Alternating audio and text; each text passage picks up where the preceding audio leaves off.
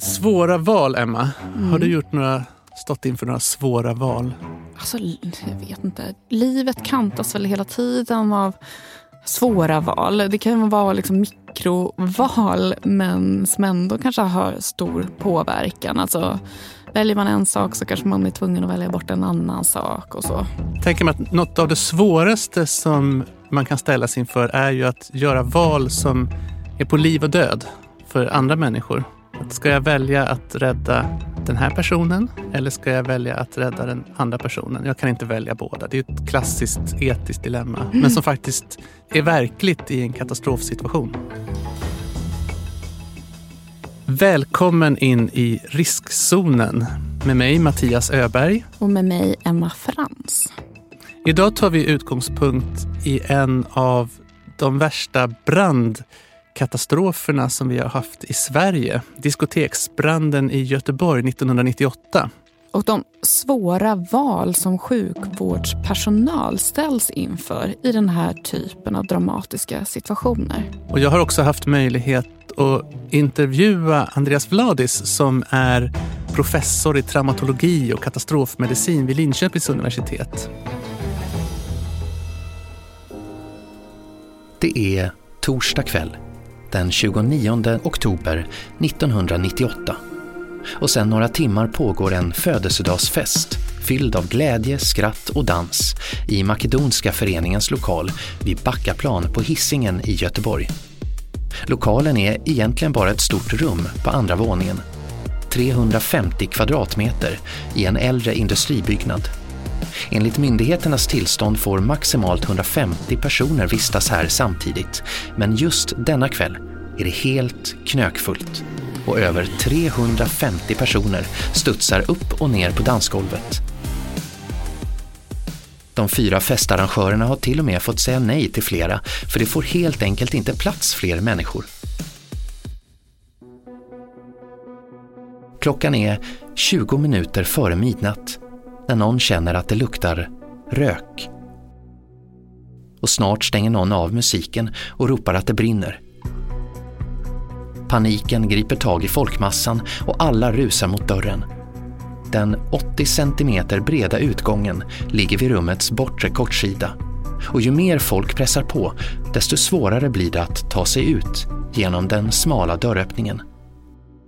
En ung flicka som senare räddades av rökdykare berättar. Uppe på scenen var det några som sjöng och spexade och vi stod i en ring och tittade på dem. Sen såg jag att det var ett stort rökmoln över hela scenen längst inne i lokalen. Några började skrika och sen började alla röra sig panikartat mot utgången.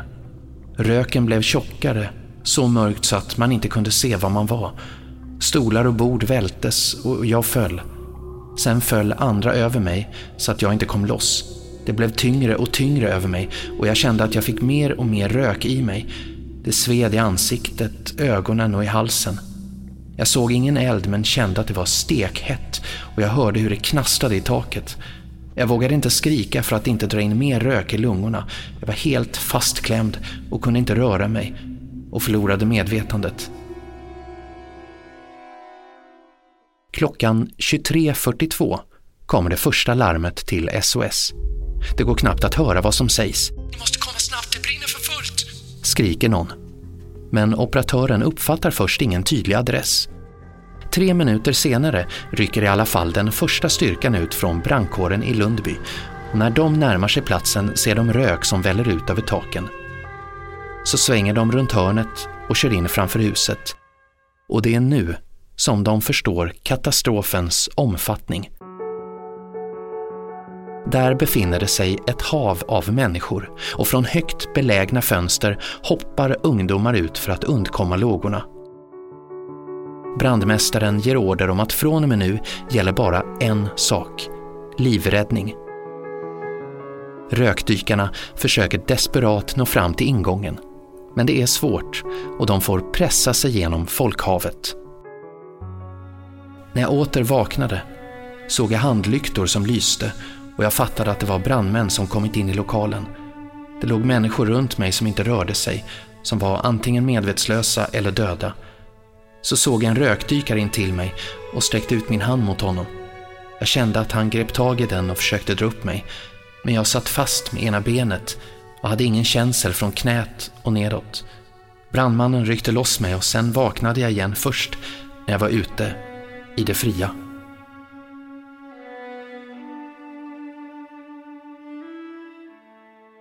Mattias, minns du eh, den här branden? Ja, det gör jag. Det här var ju en enormt stor nyhetshändelse när det hände. Det satte ju fingret på väldigt många problem som kan finnas i beredskap kring stora bränder. Hur viktigt det är att man har koll på nödutgångar och sånt där. Och jag minns också de här bilderna på hur Göran Persson som då var statsminister verkligen blev personligt väldigt ja, men illa berörd Han av den här mänskliga strategin. till och med. Ja, Ja, jag minns det här själv väldigt starkt. Jag var ju ungefär i samma ålder som många av de här ungdomarna. Det var oktober 98. Då var jag 16, skulle fylla 17. absolut. Ju... Eh, men nu när jag liksom hör och liksom när man läser på om det här, då ser man det ju lite ur ett föräldraperspektiv. Att föreställa sig just det där att släppa iväg sitt barn på kvällen och sen råkar det här barnet ut för något sånt här. Och vad jag förstått också så hörde, alltså när de här döda ungdomarnas kroppar låg under filtar så kunde man höra hur deras mobiltelefoner fortsatte att ringa. Det var liksom oroliga föräldrar som försökte få tag i sina barn. Och hela Sverige sörjde. Nej, men att 63 ungdomar miste livet, det är ju nästan ofattbart. Brukar du titta efter nödutgångar när du är i en lokal? Om du sitter i en biosalong, är du en sån som tittar vad närmaste nödutgången är? Eller tänker du att ja, jag går ut genom samma dörr som jag kom in? Jag har varit lite slarvig med det, men jag har en man som är väldigt liksom, eh, riskmedveten. Så han vet liksom alltid, han har alltid koll på sådana saker. Han har arbetat med sådana frågor också, så jag tror att man liksom blir fostrad då i att titta efter sånt. Ja. Men lite så här, tack vare honom har jag liksom blivit lite mer observant på det. När jag bor på hotell till exempel så brukar jag ta reda på var nödutgångar och sådana där saker finns. Mycket bygger på att man har liksom tänkt tanken. Då går det ju otroligt mycket fortare att göra rätt och kanske även övat och så. För bränder har ju ofta ett ganska... De kan ju ligga och pyra länge, men om det väl tar eld så går ju förloppet ganska snabbt. Från att ha varit fullt kontrollerbart och ganska enkelt att släcka för vem som helst med en handsläckare till övertänt. Och där är det ju också så att man, att det finns ju kunskaper som man behöver ha också. Ibland så är ju kanske det instinktiva, till exempel om det börjar brinna i ett bostadshus, att man vill liksom ut i trapphuset och ta sig ner. Men ofta så är det ju en bättre idé att kanske stanna i sin... Alltså det finns risker med att det kan brinna just i trapphusen och att man då hellre ska stanna i lägenheten och gå till fönster och vänta på att det kommer brandmän och hjälper en den vägen. Alltså en anledning är ju att det som folk faktiskt riskerar att dö av när det gäller bränder, det är ju brandgaserna, Mm. Brandröken. brandröken. Som toxikolog är det lite intressant att titta på de här gaserna såklart, se vad innehåller de? Vad är det som gör att människor blir så allvarligt skadade? Kan det vara skillnader också beroende på var man befinner sig? Vad som, om det är trähus eller om det är... Nej, men den stora skillnaden kommer ju av att olika material bildar olika typer av brandgaser kan man säga. Och där är liksom att eldar vi trä, då bildas det kanske mer av det här kolmonoxid och sånt där som kan vara farligt i sig. Plastmaterial och sånt, färger och sånt som vi har väldigt mycket av i moderna lokaler och hem. De kan avge en hel del cyanidgas när de brinner. De innehåller liksom, det är kväveinnehållande material som man inte tänker på. En madrass till exempel. En vanlig madrass som brinner kan lätt bilda tillräckligt mycket cyanid för att det ska vara dödligt att vara i rummet bara någon minut. Tar man hänsyn till sånt när man bestämmer hur man ska bygga ett hus? Jag tror att man skulle kunna göra det i högre utsträckning än vad man gör. Det finns ju många exempel på där man i efterhand har sett att oj, men här borde vi kanske ha undvikit den här typen av material. Det är lätt att förstå att trä kan brinna, men folk kanske inte tänker på att plast är ju i princip fast olja. Så när den väl tar eld så blir det ofta väldigt snabb utveckling. Och giftiga gaser dessutom. Ekot sänder nu extra med anledning av den katastrofala brand som utbröt ungefär vid midnatt i Göteborg där ett stort antal ungdomar har omkommit. Det råder ju såklart inga tvivel om att den här branden verkligen var känslomässigt en stor katastrof. Men Mattias, vad är egentligen den medicinska definitionen av en katastrof? Man brukar ju relatera så att säga, en katastrof till liksom, tillgängliga resurser och det är därför som vi ofta är ganska ovana vid katastrofer i Sverige. För vi har ju gott om resurser. Det gör att vi kan hantera väldigt stora kriser utan att det blir så att säga, ett katastrofläge. Alltså en katastrof innebär ju en situation där du inte längre har kontroll på situationen, där du måste börja prioritera stenhårt.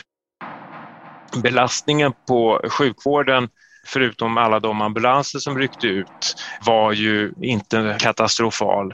De överlevande som kom till sjukhus, de eh, behövde ju i princip ingen intensivvård. De behövde ju inom citationstecken bara ett omhändertagande och lite syrgas.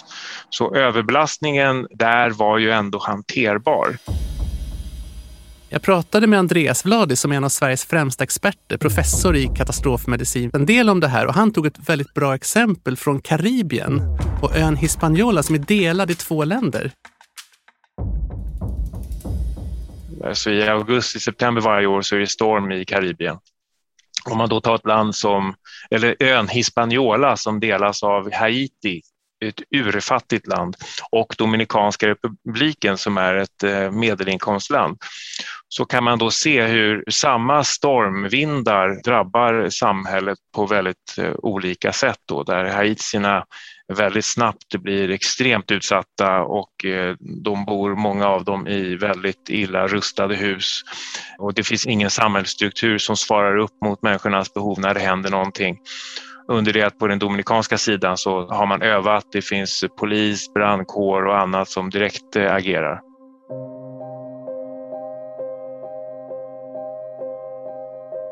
Ett par minuter efter att brandbilen kommit fram till Backaplan anländer den första ambulansen. Överallt ligger livlösa ungdomar och många behöver omedelbar hjälp för att överleva, men sjukvårdarna räcker inte till. Ångesten bland vänner och anhöriga växer för varje sekund och de börjar dra och rycka i personalen. På den kalla och våta asfalten ges konstgjord andning och hjärtmassage till de med hjärtstillestånd medan medvetslösa läggs i framstupa sidoläge. Flera är svårt brända och har andningssvårigheter efter att ha andats in heta rökgaser. Många har öppna frakturer efter att ha hoppat eller fallit ut från fönstren. För att sortera de skadade använder sjukvårdspersonalen prioriteringslappar en röd eller gul lapp markerar vem som har störst vårdbehov och vem som får vänta. Men mängden skadade bara ökar i takt med att allt fler bärs ut ur lokalen. Syrgastuberna tar slut och det finns inte ens filtar att lägga över de döda. En av sjukvårdarna startar hjärt och lungräddning på en medvetslös ung kille, men det går inte. Han inser att det är för sent och det finns så många som behöver hjälp. När de anhöriga inser att sjukvårdaren har för avsikt att lämna deras barn att dö vänds frustrationen till ilska och snart får han motta både glåpord och slag. Stämningen var mycket hotfull. Jag tvingades hålla på med hjärt-lungräddning. Försökte jag avbryta hotades jag och kände mig tvungen att fortsätta. Först efter sju åtta minuter kunde jag, med deras tillåtelse, avbryta. Berättar han. Det här måste ju ha varit en jättesvår situation. Det blir ju olika individers intressen som krockar här på något sätt. Som förälder eller anhörig då har man ju fullt fokus på att den här människan som man älskar, att den ska få liksom alla förutsättningar som finns för att klara sig. Samtidigt så blir ju möjligheten att rädda flera sämre om den vårdpersonal som finns inte kan så att säga, göra sina medicinska bedömningar och få liksom möjlighet att arbeta Mm, men jag eh, tror ändå liksom den mest inbitna utilitaristen skulle ha svårt att resonera så i i ett sånt här läge. Men sjukvårdspersonalen som klart, det är ju deras jobb att på något sätt göra den här typen av svåra prioriteringar. Så det är ju klart att det är jätteproblematiskt när de blir hindrade i att utföra sin uppgift. Därför är det ju ofta så att annan blåljuspersonal också kommer till en sån här plats. Alltså polis och kanske väktare i vissa fall kan så att säga, hjälpa till att hålla både media, allmänhet och också ibland anhöriga på någon slags behörigt avstånd så att man verkligen ska kunna arbeta så effektivt som möjligt i syfte att hjälpa så många som möjligt. Så att det är väl viktigt också att ha den förståelsen. Det fanns ju människor som också tyckte att en del av sjukvårdspersonalen inte såg ut att göra så mycket. Det vill säga de triageläkare till exempel som först kom dit och är tvungna att, så att säga, skaffa en överblick. För att utan information så går det inte att samordna en sån här stor insats. Men som anhörig kan man ju tycka att det ser konstigt ut att någon medicinsk personal bara... Bara går omkring och spejar eller bara går omkring ja, och... men när det ligger Ja. människor som behöver omedelbar livräddande insats. Nu använder du det här begreppet triage. Vad betyder det egentligen? Ja, jag har fått lära mig av Andreas när jag pratade med honom att det är ett franskt ord som betyder sortera. Triage är någonting som vi använder oss av väldigt mycket inom katastrofmedicin och traumatologi och sortering är ju superviktigt. Det är liksom en fundamental funktion i katastrofmedicinska sammanhang. När man har väldigt många skadade eller väldigt många människor med stora behov på en och samma gång så att man överväldigar de befintliga resurserna. Och då måste man ju välja ut vilka människor som vi har framför oss har de största behoven. Och då har man olika instrument, sorteringsinstrument, triageinstrument för att sortera ut de människor som har störst behov från de som inte har särskilt stora behov. Så man lägger krutet på dem där det verkligen behövs. Om det har skett en bombexplosion till exempel, då kommer det snabbt att finnas många människor med många olika typer av skador. Några har andningsskador, några har ytliga sårskador, några har frakturer, några har skallskador, några har skador i buken. Om man då står och gör ett sånt här triage, alltså en sållning, en prioritering, då säger man att alla som kan gå, om du kommer gående till sorteringsstationen, då går du till vänster. Därför bara det faktum att du kan gå vittnar om att ditt allmäntillstånd är så pass bra att du inte behöver omedelbart livräddande insatser. Där har du en jättegrov sortering.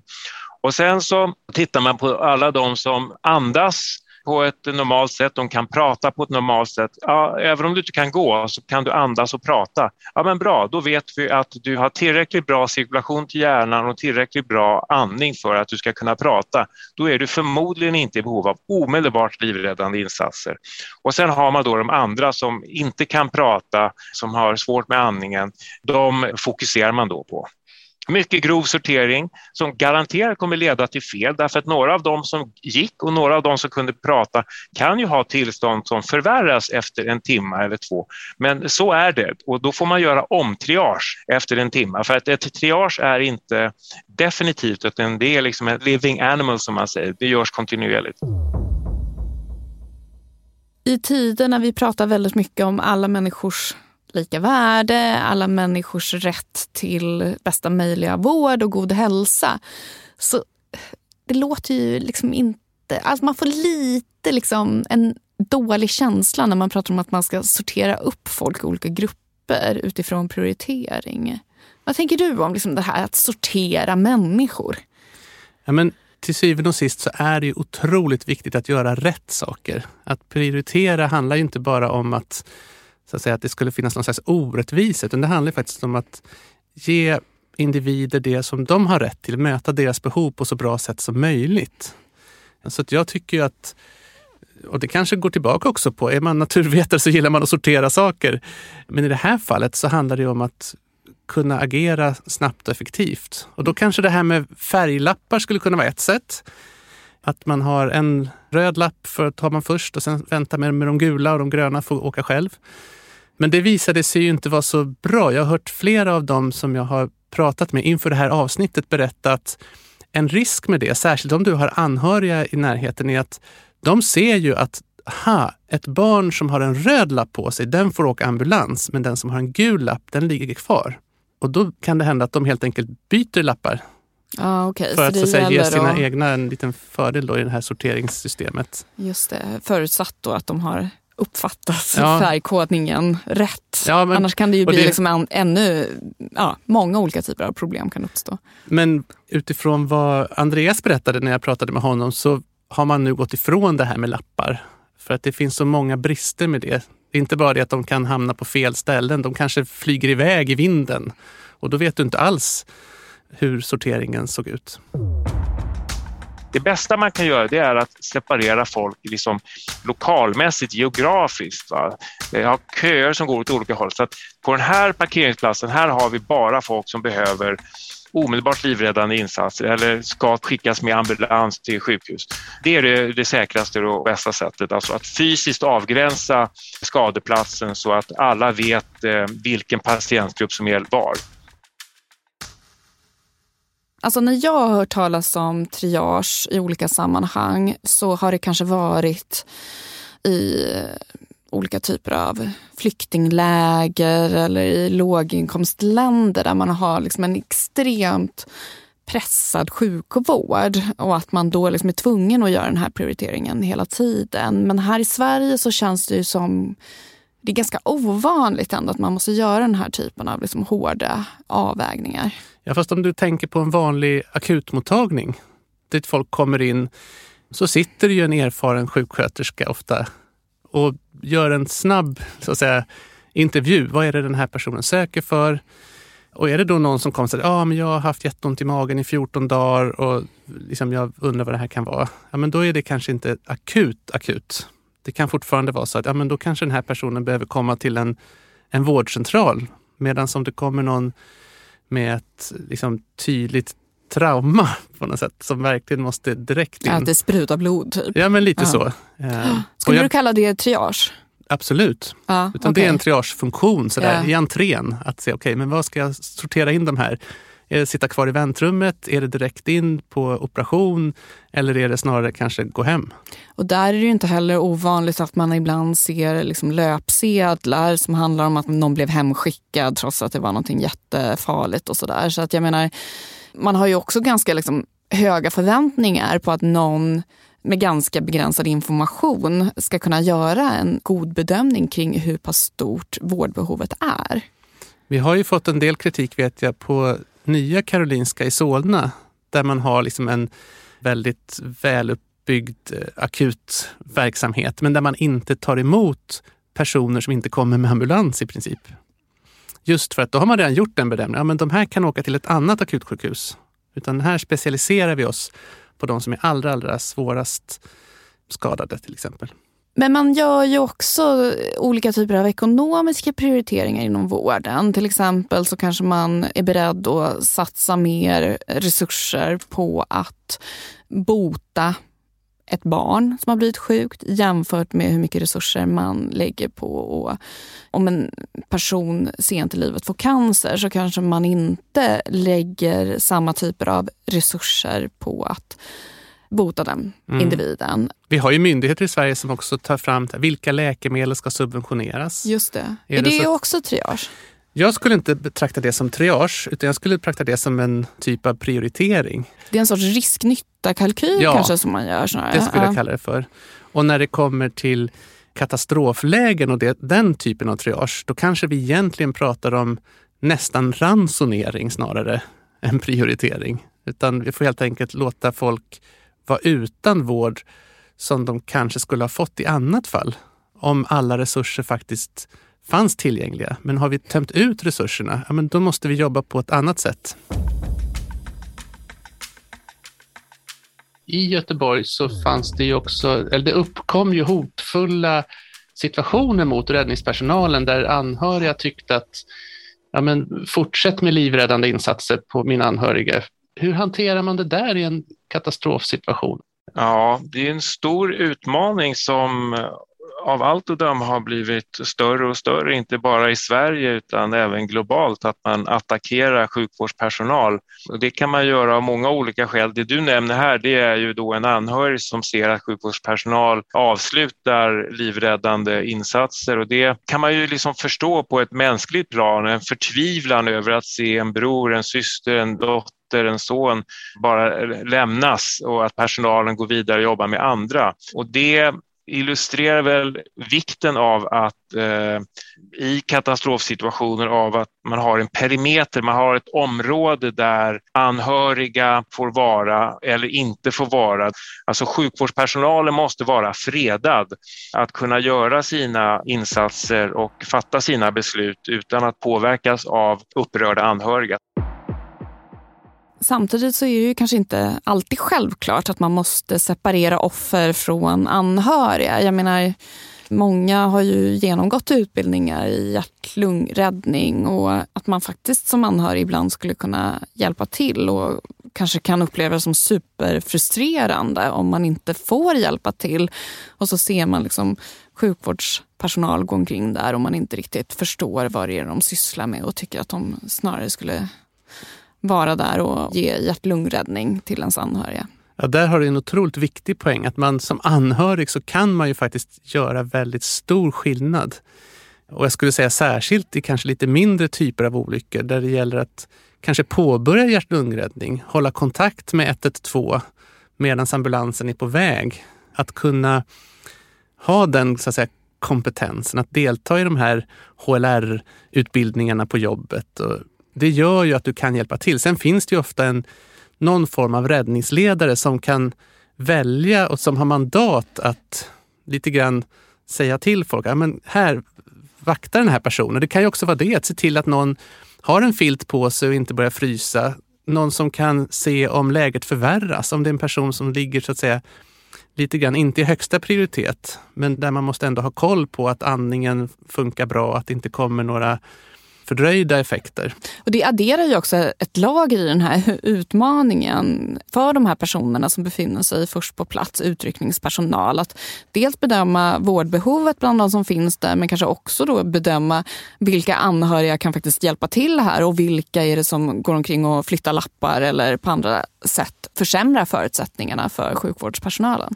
Och det här med hot mot sjukvårdspersonal och andra blåljusmyndigheter så att säga, det är ju ett ökande problem. Vi har ju sett till exempel i samband med en del av de här skjutningarna att kompisarna liksom, i gänget vill tränga sig in på akutmottagningen för att, så att säga, se hur det har gått och sådär. Och där kan det vara viktigt att sjukvården liksom steppar upp och har en viss beredskap för att kunna liksom avgränsa så att det är sjukvården som håller i taktpinnen.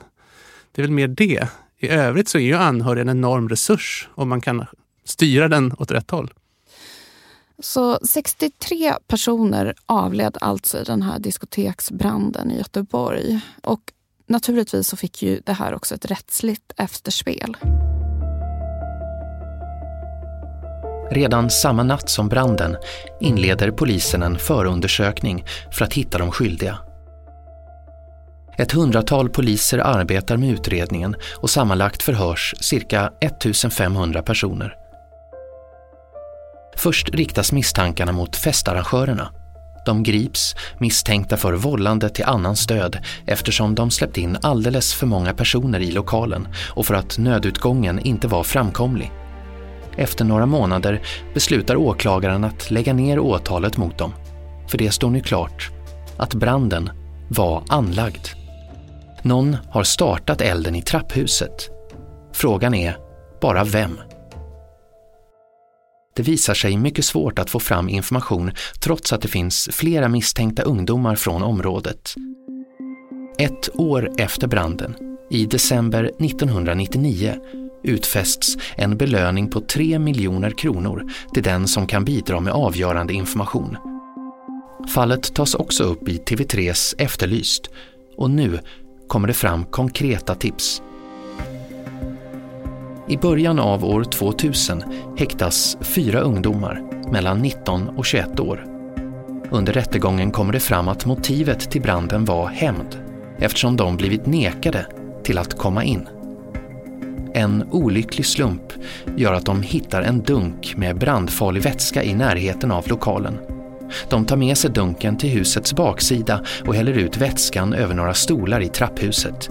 Sen tänder de på. I rättegången berättar de åtalade ungdomarna att de inte trodde att elden skulle sprida sig så fort. När man anlade den branden i trapphuset så hade man en föreställning om att brandlarmet skulle aktiveras. Räddningstjänsten kommer till platsen, behöver utrymma lokalen och så är festen stabbad. Och det var ju deras plan.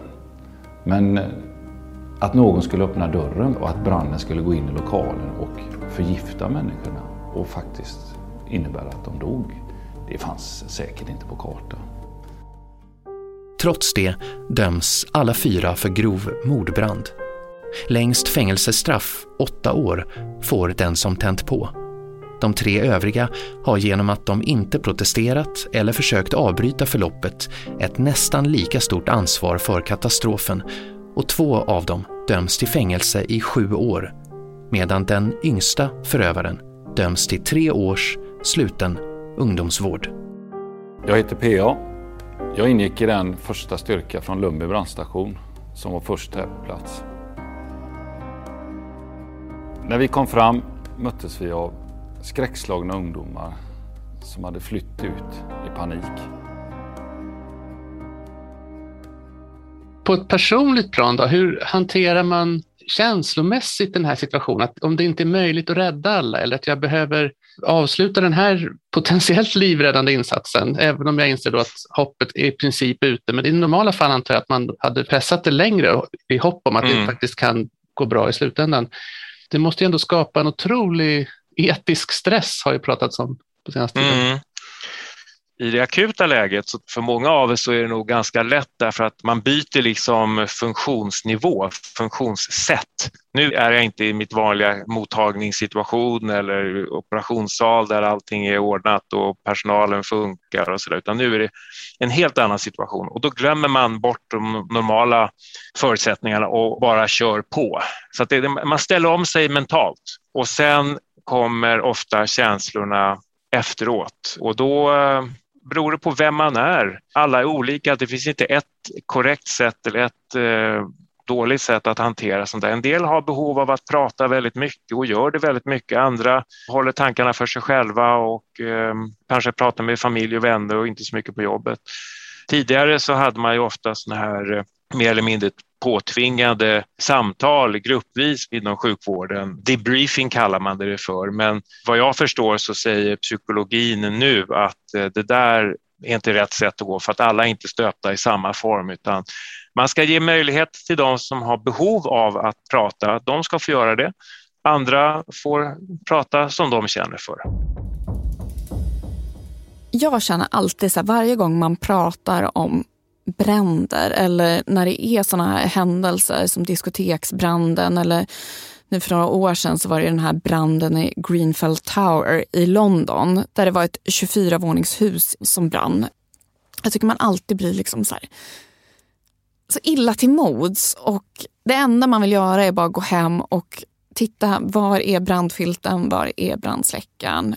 Gå igenom med sina barn vad man skulle göra om någonting hände. Men det är väl eh. också en ganska funktionell och bra sak att göra. Alltså har du ett varningssystem, ett brandvarnare som funkar där batteriet är bytt, ja men då får du den här tiden du behöver för att kanske hämta en brandflilt eller en pulversläckare.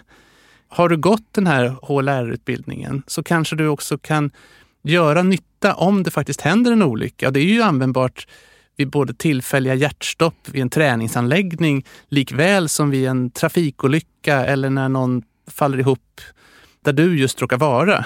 Men då kanske vi vill påminna våra lyssnare om att liksom, ja, uppdatera sina kunskaper om hjärt-lungräddning och att man helt enkelt ser till att släcka alla ljusen när man går hemifrån. Ha koll på att brandvarnaren funkar, att man vet var brandsläckarna är och var brandfilten är. Eller vad tänker du Mattias? Jag tänker att det påminner lite grann om det här exemplet som vi hörde om den här ön Hispaniola som är delad av med ett fattigt land, superfattigt land, Haiti, och ett lite mer medelinkomstland, Dominikanska republiken. Och när samma så att säga, storm slår till så blir det katastrof i det utsatta området. Medan det lite mer välmående området kan hantera det här. Det finns en bättre beredskap. På något sätt så känns det som att det kanske är en bild för hur det kan vara. Alltså har du lokaler som är dåligt anpassade, festarrangörer som inte har koll på nödutgångarna, inte har så att säga tänkt ett steg till, då är det en större risk att går någonting fel så kommer det få mycket mer allvarliga konsekvenser. Man kanske helt enkelt ska försöka se till att man är Dominikanska republiken istället för Haiti när olyckan slår till. Ja, för olyckor kommer. Så är det. Du har lyssnat på Riskzonen med mig, Mattias Öberg. Och med mig, Emma Frans. Som vanligt så heter vår producent Klara Wallin och vår inläsare heter Peter Öberg. Och det här avsnittet har vi spelat in på Beppo. Stort tack också till forskningsrådet Formas som stödjer oss. Och I nästa avsnitt ska vi prata om risker med män som lever i ofrivillig celibat. Så kallade incels.